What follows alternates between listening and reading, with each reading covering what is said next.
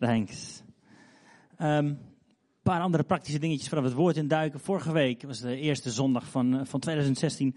Hebben we na de dienst tijd genomen om mensen te zalven. Fantastisch begin van een nieuw jaar. Dat je weet dat God met je is. Dat de Heilige Geest in je is, op je is, je wil leiden. Dus mocht je dat graag willen, heb je het vorige week gemist, dan is er na de dienst daar volop tijd en ruimte voor. Is dat oké? Dat is één ding. Uh, andere ding, uh, we zeiden het al, we zijn een groeiende gemeente, heel veel kinderen. Um, en dus ook veel kinderwerkers nodig en die zijn er al wel. Maar ook een beetje ontdekken van hoe doe je dat dan met kinderen en zo. Dus waar we een klein beetje tegenaan lopen met groeiende groepen, heel praktisch eventjes voor de ouders onder ons. Uh, soms is het nodig dat we tegen een kind zeggen van joh, je bent hier omdat je het leuk vindt of je kunt beter even bij papa en mama gaan zitten. We hopen dat je dat begrijpt, maar als één kind of meerdere kinderen het, het gaan verpesten is een groot woord, maar het minder leuk maken voor anderen, als er meer nadruk komt te liggen op zeggen, hey stop, stop, stop, dan zeggen we liever tegen kinderen, ga even bij papa en mama zitten. Dus dat kan misschien gebeuren. Ik hoop niet dat het jouw kind is, ik hoop niet dat het mijn kind is. Maar uh, nee, dan weet je, we zijn een beetje aan het uitvinden samen, hey, hoe doe je dat nou op een goede manier? Dus help ons mee, alsjeblieft. Um, vasten, uh, Alfons die noemde het al, februari. Binnenkort gaan we wat meer informatie over geven. Betekent niet dat we met z'n allen uh, de hele maand niet gaan eten. En daarom hebben we maar expres de kortste maand uitgekozen, omdat het makkelijker is of zo. Nee.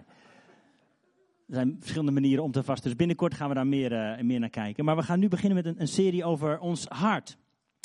En ik spreek het een beetje op een Amerikaanse manier uit. Ons hart, dat zijn de letters van onze waarden we groeien, er komen telkens nieuwe mensen bij en ook voor onszelf. We zijn, nou, het is het anderhalf, twee jaar geleden begonnen. Moeten we telkens weer terugkomen naar waarom doen we ook alweer wat we doen? Best een goede vraag om je regelmatig te stellen. Waarom doen we ook alweer wat we doen? En deze vijf letters, misschien kunnen we het er even bij pakken. Heart, die staan voor deze vijf woorden. Even in het Engels, ik zal de vertaling erbij geven. We beginnen vandaag met honor. De H hoor je niet, maar je zit er wel. Honor, het eren. Nou, daar gaan we vandaag naar kijken. Excellence, kijken we volgende week naar. Hoe, waarom de dingen die we doen, willen we graag goed doen. Maar waarom dan eigenlijk? Nou, advancement, we zijn in beweging, we gaan vooruit, we groeien, we ontwikkelen onszelf. Reaching out dan is een belangrijke. We zijn hier met een doel. Jezus zei, ga erop uit, maak discipelen. Hoe gaan we dat doen? Reaching out. En de laatste, de T van togetherness. Hoe, doe je dat ook alweer samen, met elkaar? Nou, zomaar vijf letters die toevallig het woordje hard maken. Uh, onze waarden onze waarden. Natuurlijk hebben we een groot doel. We willen deze wereld bereiken. We willen Ede veranderd zien worden. We willen graag dat mensen discipelen zijn. Dat willen we samen doen. We willen deze wereld veranderen. We willen net zo'n impact hebben als, als Jezus dat had. Dat die fantastisch zijn?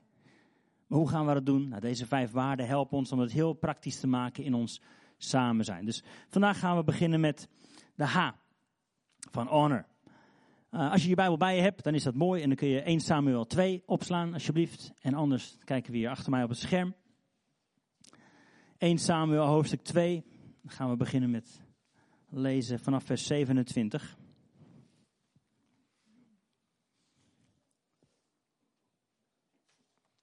In Samuel 2, 27, er staat in mijn Bijbel in gewone taal. Op een dag kwam er een profeet bij Eli. En die zei, de Heer heeft mij gestuurd. God zegt, Eli, ik heb jouw voorouders in Egypte verteld wie ik ben. Weet je dat niet meer? Dat was toen ze nog slaven waren van de farao. Eventjes een kort stukje achtergrond. Waar zitten we ongeveer ook alweer? 1 Samuel is in de tijd nadat het volk van Israël is bevrijd uit Egypte. Ze waren slaaf geweest en God had ze bevrijd en geleid naar hun eigen land. En, en daar waren ze aangekomen onder leiding van Mozes, maar Mozes was gestorven. En Jozua die werd de nieuwe leider. En ze namen dat land in, eh, niet helemaal op de manier zoals het zou moeten of gekund had zijn. Maar ze, ze waren dat land aan het innemen en sommige dingen gingen goed. En, nadat Jozua was gestorven, stonden er af en toe wat leiders op. Rechters of richters of richteren, of welke naam je ook maar hebt, welke bijbelvertaling je hebt. Maar uh, hier komt het eigenlijk op neer. Het volk van Israël vergat God soms. Het ging hartstikke goed en dan hadden ze God niet zo hard nodig. En dan vergaten ze hem, gingen ze hun eigen gang weer. En dan ging het mis. En dan kwamen de vijanden. En dan was de ellende. En dan riepen ze weer uit naar God. En dan riep God weer een rechter, iemand die ze ging helpen. Ze terugbracht bij God. Zodat God ze weer kon zegenen. En dan ging het weer goed met het land. En dan vergaten ze God weer enzovoort. En we zijn aangekomen bij Eli, een profeet van God. Een van die leiders van het volk, als het ware. Van in één Samuel. En we zijn een beetje aangekomen bij de tijd dat uh, het volk van God was God weer vergeten. Ze konden het alleen wel. Er was nog wel een profeet, er was wel iets van een tempel. Maar het ging er mis. En God stuurde op een gegeven moment een profeet naar deze man toe. Naar de priester Eli. En hij zegt, de Heer heeft mij gestuurd, Eli. Ik heb jouw voorouders in Egypte verteld wie ik ben. Weet je het niet meer? Dat was toen ze nog slaven waren. En van alle Israëlieten, zegt God, heb ik alleen uit jouw familie mensen gekozen om priester te zijn. Het is hun taak om offers te brengen op mijn altaar. En om wierook voor mij te branden. Ook moeten ze onderzoeken wat mijn plannen zijn met het volk. Heel duidelijk. God brengt hem weer terug naar wat hij ooit gezegd had. Ik heb opdracht gegeven om offers aan mij te brengen in een tempel. En jij en jouw familie mogen een deel van die offers hebben. Oftewel, God zorgt niet alleen goed voor zichzelf, maar wil ook God goed voor jou zorgen. En er is voldoende voor je, Eli. Maar, maar jij en je zonen maken er misbruik van.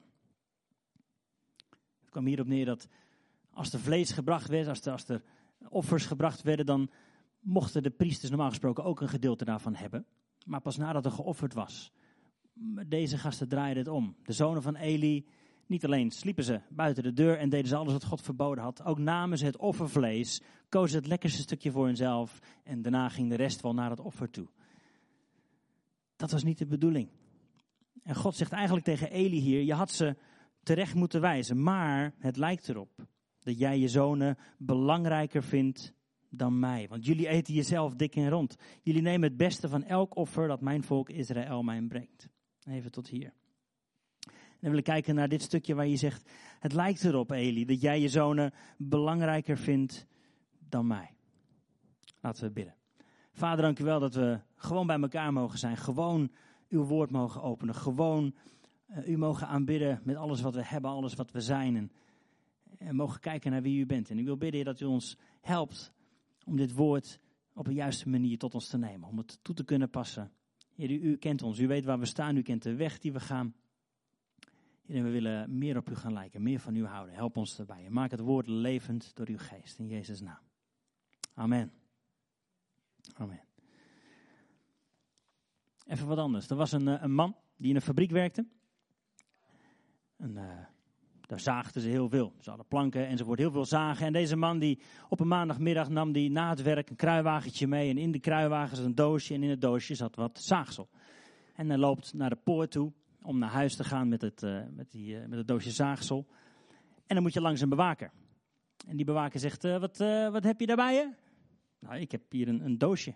Ja, ik zie dat je een doosje. Wat zit er in het doosje? Je mag niet zomaar alles meenemen, dat weet je. Ja, nee, dat weet ik. Er zit gewoon wat zaagsel in. We hebben hier toch genoeg zaagsel. Ik heb thuis wat nodig, dus ik neem een doosje zaagsel mee. Dus die bewaker die kijkt er eens goed in. Ja, nou, dat is inderdaad een doosje zaagsel. Neem hem mee, tot morgen. Dus deze man loopt verder naar huis. Volgende dag, dinsdag, hetzelfde verhaal. Deze man komt met zijn kruiwagentje, met een doosje, met zaagsel bij de poort. Zelfde bewaker. Wat heb je nou weer bij je? Gewoon een doosje zaagsel. Dus de bewaker kijkt er weer even in. Ja, het is weer zaagsel. Neem maar mee. Woensdag, hetzelfde verhaal. Donderdag, hetzelfde verhaal. Vrijdag, hetzelfde bewaker, man. Wat heb je nou weer bij je? Ik heb gewoon een doosje zaagsel bij me wat ik mee naar huis neem. En die bewaker die kijkt hem aan en zegt, ik vertrouw het niet. Elke dag kom je hier, je hebt alleen maar een doosje zaagsel, maar ik, ik heb zo'n gevoel dat je gewoon aan het jatten bent. Wat is dat nou? Hier, hier is een afspraak. Als jij mij nou zegt, wat je aan het stelen bent, hoe je mij bij de neus neemt, wat je aan het stelen bent, dan zal ik het niet rapporteren. Ah, dat is goed, zegt die man. Ik uh, steel kruiwagens.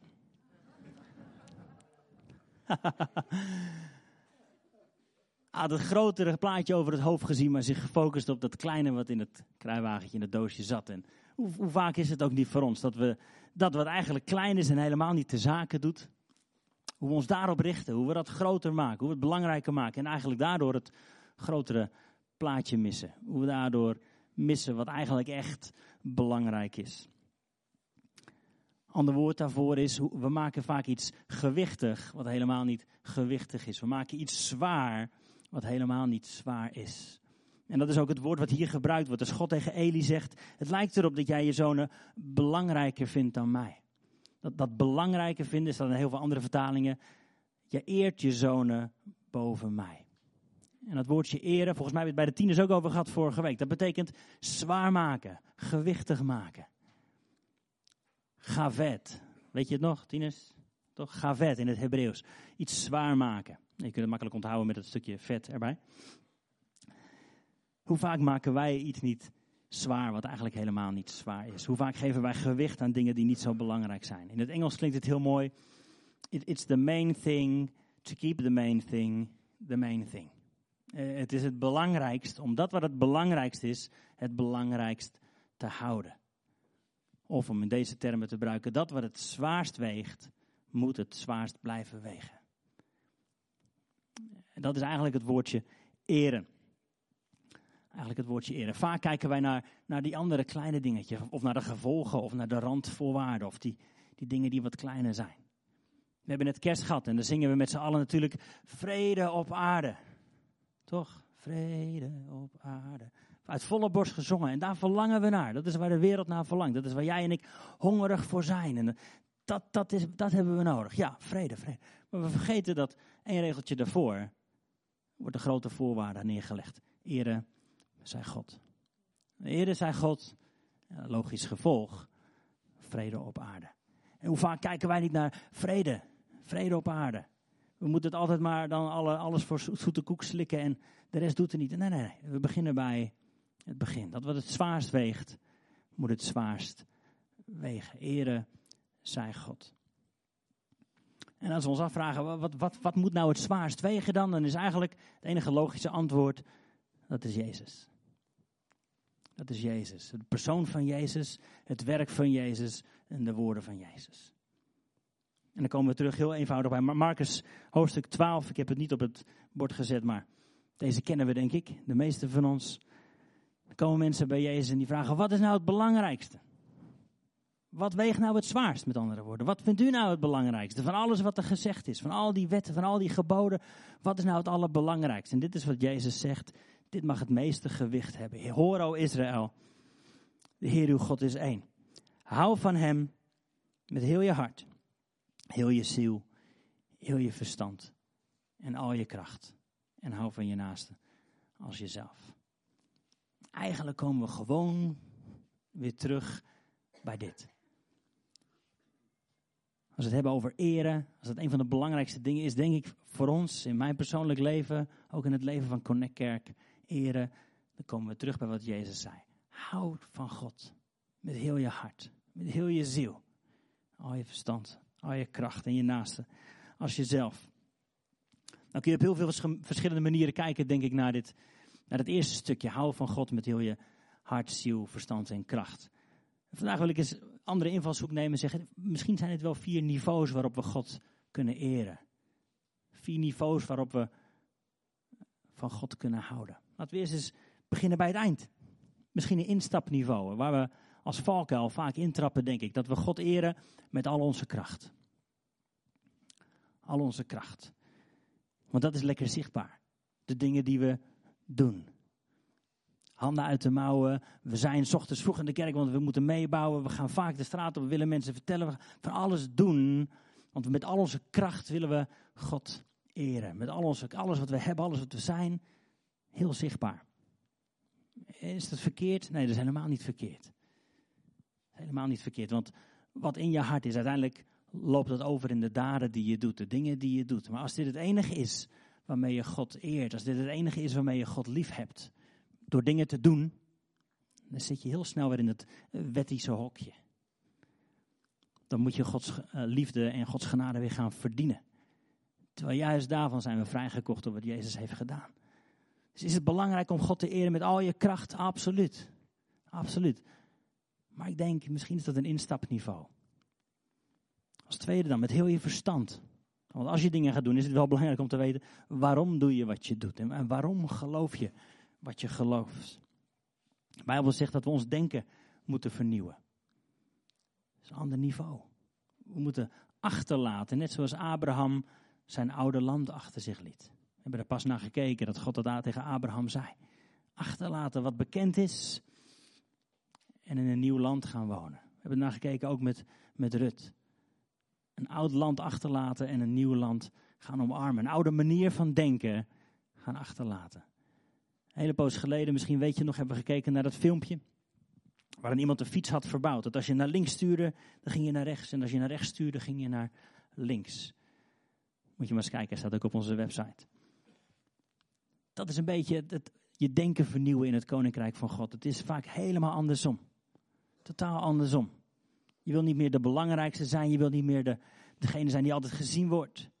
Je wil niet het meeste geld hebben. Het is totaal andersom in het koninkrijk van God. Hoe, hoe kun je dienen? Hoe kun je anderen zegenen? We moeten ons denken gaan vernieuwen. Dus we houden van God met al onze kracht. Alle dingen die we doen. Absoluut. Dat is ons verlangen. En dat doen we steeds meer. Maar wel, onder andere, ander niveau. Omdat we van God houden met heel ons verstand. Omdat ons denken vernieuwd wordt. Omdat we andere prioriteiten gaan krijgen. En soms gaat God voorbij aan, aan je verstand. Soms gebeuren er dingen in je leven die je gewoon niet kunt snappen. Dan ga je naar een ander niveau van God liefhebben, God eren met heel je ziel dan. Natuurlijk houden we van God met al onze kracht, maar ook met ons verstand. We willen ons denken vernieuwen, we willen het woord kennen.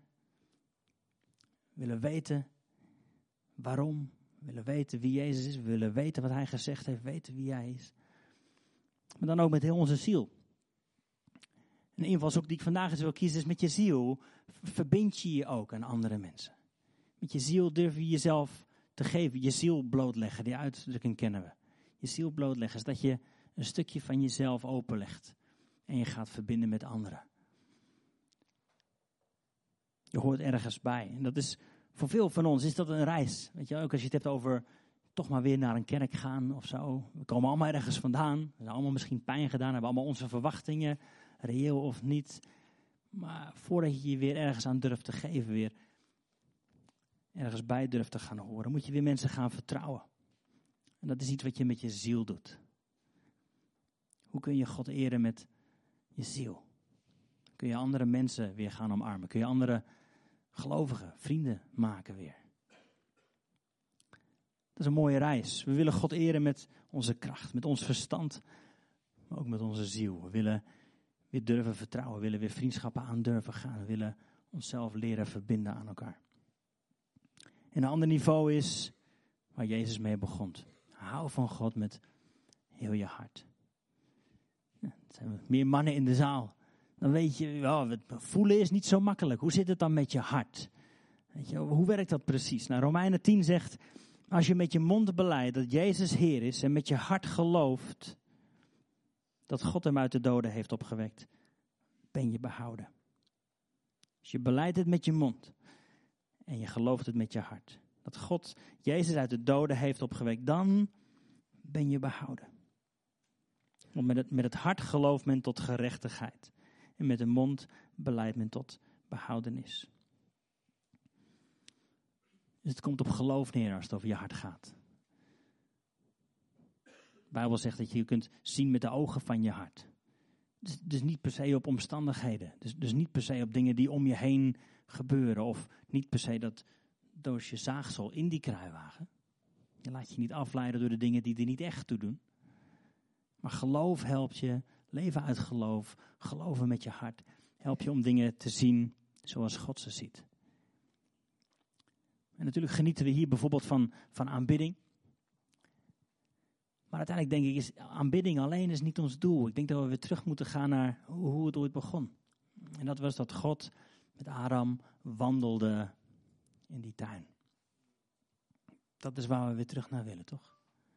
Als aanbidding alleen maar is, ik hier en God daar en ik zing naar Hem en ik aanbid Hem.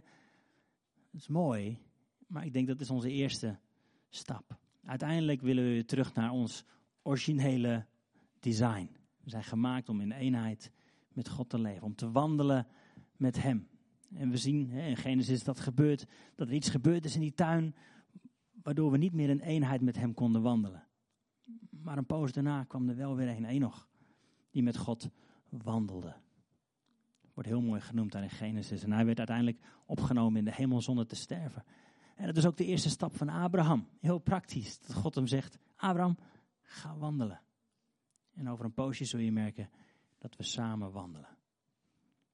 En ik geloof dat het ook Gods verlangen is voor jou en mij om zo'n hartsrelatie te hebben opnieuw. Niet, niet alleen maar aanbidding, God daar, ik hier. En er is wat afstand tussen. God verlangt ernaar, naar eenheid van hart. Zijn hart, ons hart. Psalm 37 zegt het heel mooi.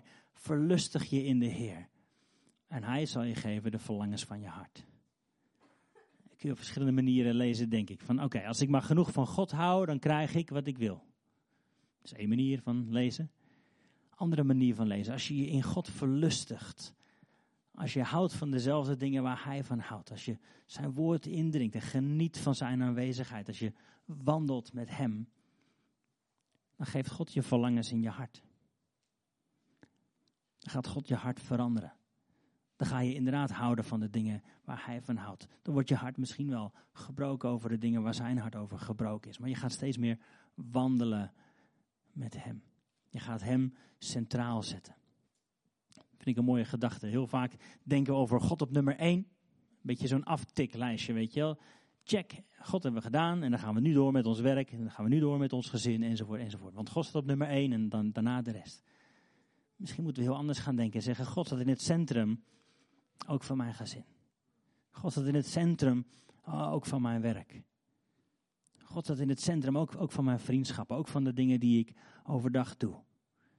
En of we nu altijd heel bewust denken aan God en bijna niet durven te bewegen. Nee, dat is helemaal niet het punt. We vertrouwen erop dat we met God wandelen. En dat Hij ons kan leiden. We kijken daar pas naar. Hoe je geleid kunt worden door de Heilige Geest. Hoe Hij je soms een duwtje geeft. Ik noemde dat pas een pushje, maar dat is wat anders.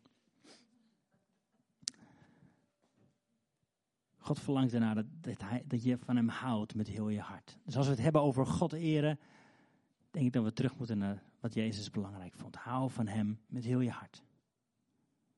Ga weer durven vertrouwen. Ga kijken met de ogen van je hart. Niet op omstandigheden, niet per se op dingen die gebeurd zijn in het verleden, want ook die dingen, zegt Romeinen, kan God gebruiken ten goede. Als je in hem gelooft, als je van hem houdt, zal hij dat gaan doen. Dus we houden van God met heel ons hart, met heel onze ziel. We willen ons weer leren geven aan iets wat groter is dan ons eigen kleine wereldje. Met heel ons verstand, we willen ons denken vernieuwen. En met al onze kracht, alle dingen die we doen, zijn uiteindelijk een voortvloeisel van dat we houden van Hem. Dat we wandelen met Hem. Dus ik weet niet op welk niveau je nu zit. Misschien denk je, ja, ik moet eigenlijk wel meer dingen gaan doen of zo. Is oké. Natuurlijk mag je God, van God houden met al je kracht. Maar misschien mag je een stapje dieper gaan en zeggen: God, ik wil u leren eren. Ik wil u leren vertrouwen met heel mijn hart. Ik wil weer leren te kijken naar niet omstandigheden. Niet dingen die andere mensen per se over mij zeggen of over mijn omstandigheden. Maar dat wat u gezegd heeft. Dat u bij me bent, dat u van me houdt en dat u een plan met me heeft. En dat we al het stof er weer vanaf kunnen blazen en teruggaan naar dat wat Jezus zei. Hou van Hem met heel je hart, heel je ziel, je verstand en al je kracht. En je naast als jezelf. Is weer een heel ander verhaal. Hoe hou je van je naast als jezelf? Om met Korstian te spreken, dan mag je weer terug naar de liefde van de Vader, zoals Hij die voor jou heeft. Als je het moeilijk vindt om van jezelf te houden, zeg ik ga je inschrijven voor die cursus en ontdek hoeveel God van je houdt. Dan heb je geen enkele reden meer om niet van jezelf te houden. En daarmee maak je ook de weg vrij om van anderen te kunnen houden. Om anderen, met andere woorden, te eren. Zoals God hen gemaakt heeft. Ons niet te bekijken vanuit jouw beknopte invalshoek, maar om het grotere plaatje te gaan zien. Om te, echt te kunnen gaan houden van andere mensen. Zo gaan staan. We willen wat tijd nemen om dit in te drinken. Heere God, we willen leren wat het is om u te eren. Om van u te houden, om met u te wandelen opnieuw. Het is zo makkelijk, Vader, om, om onderweg alleen maar bezig te zijn met de juiste dingen denken. Of, of alleen maar bezig te zijn met de juiste dingen doen.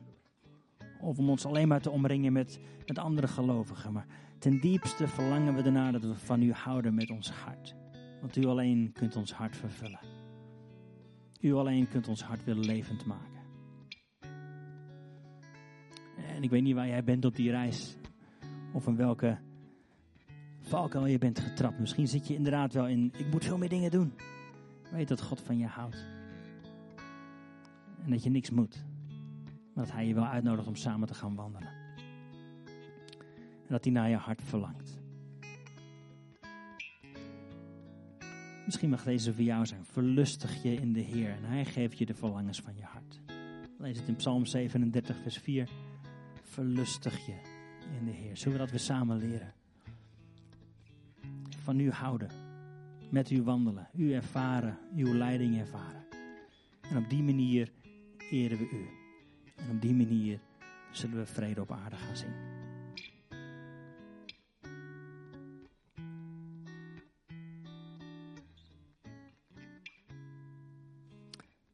Zullen straks wat mensen hier vooraan staan die graag voor je bidden.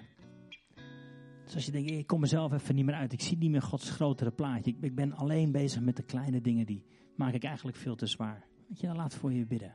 We willen om je heen staan. We willen je helpen. We willen jou laten weten dat God zichzelf aan jou wil verbinden.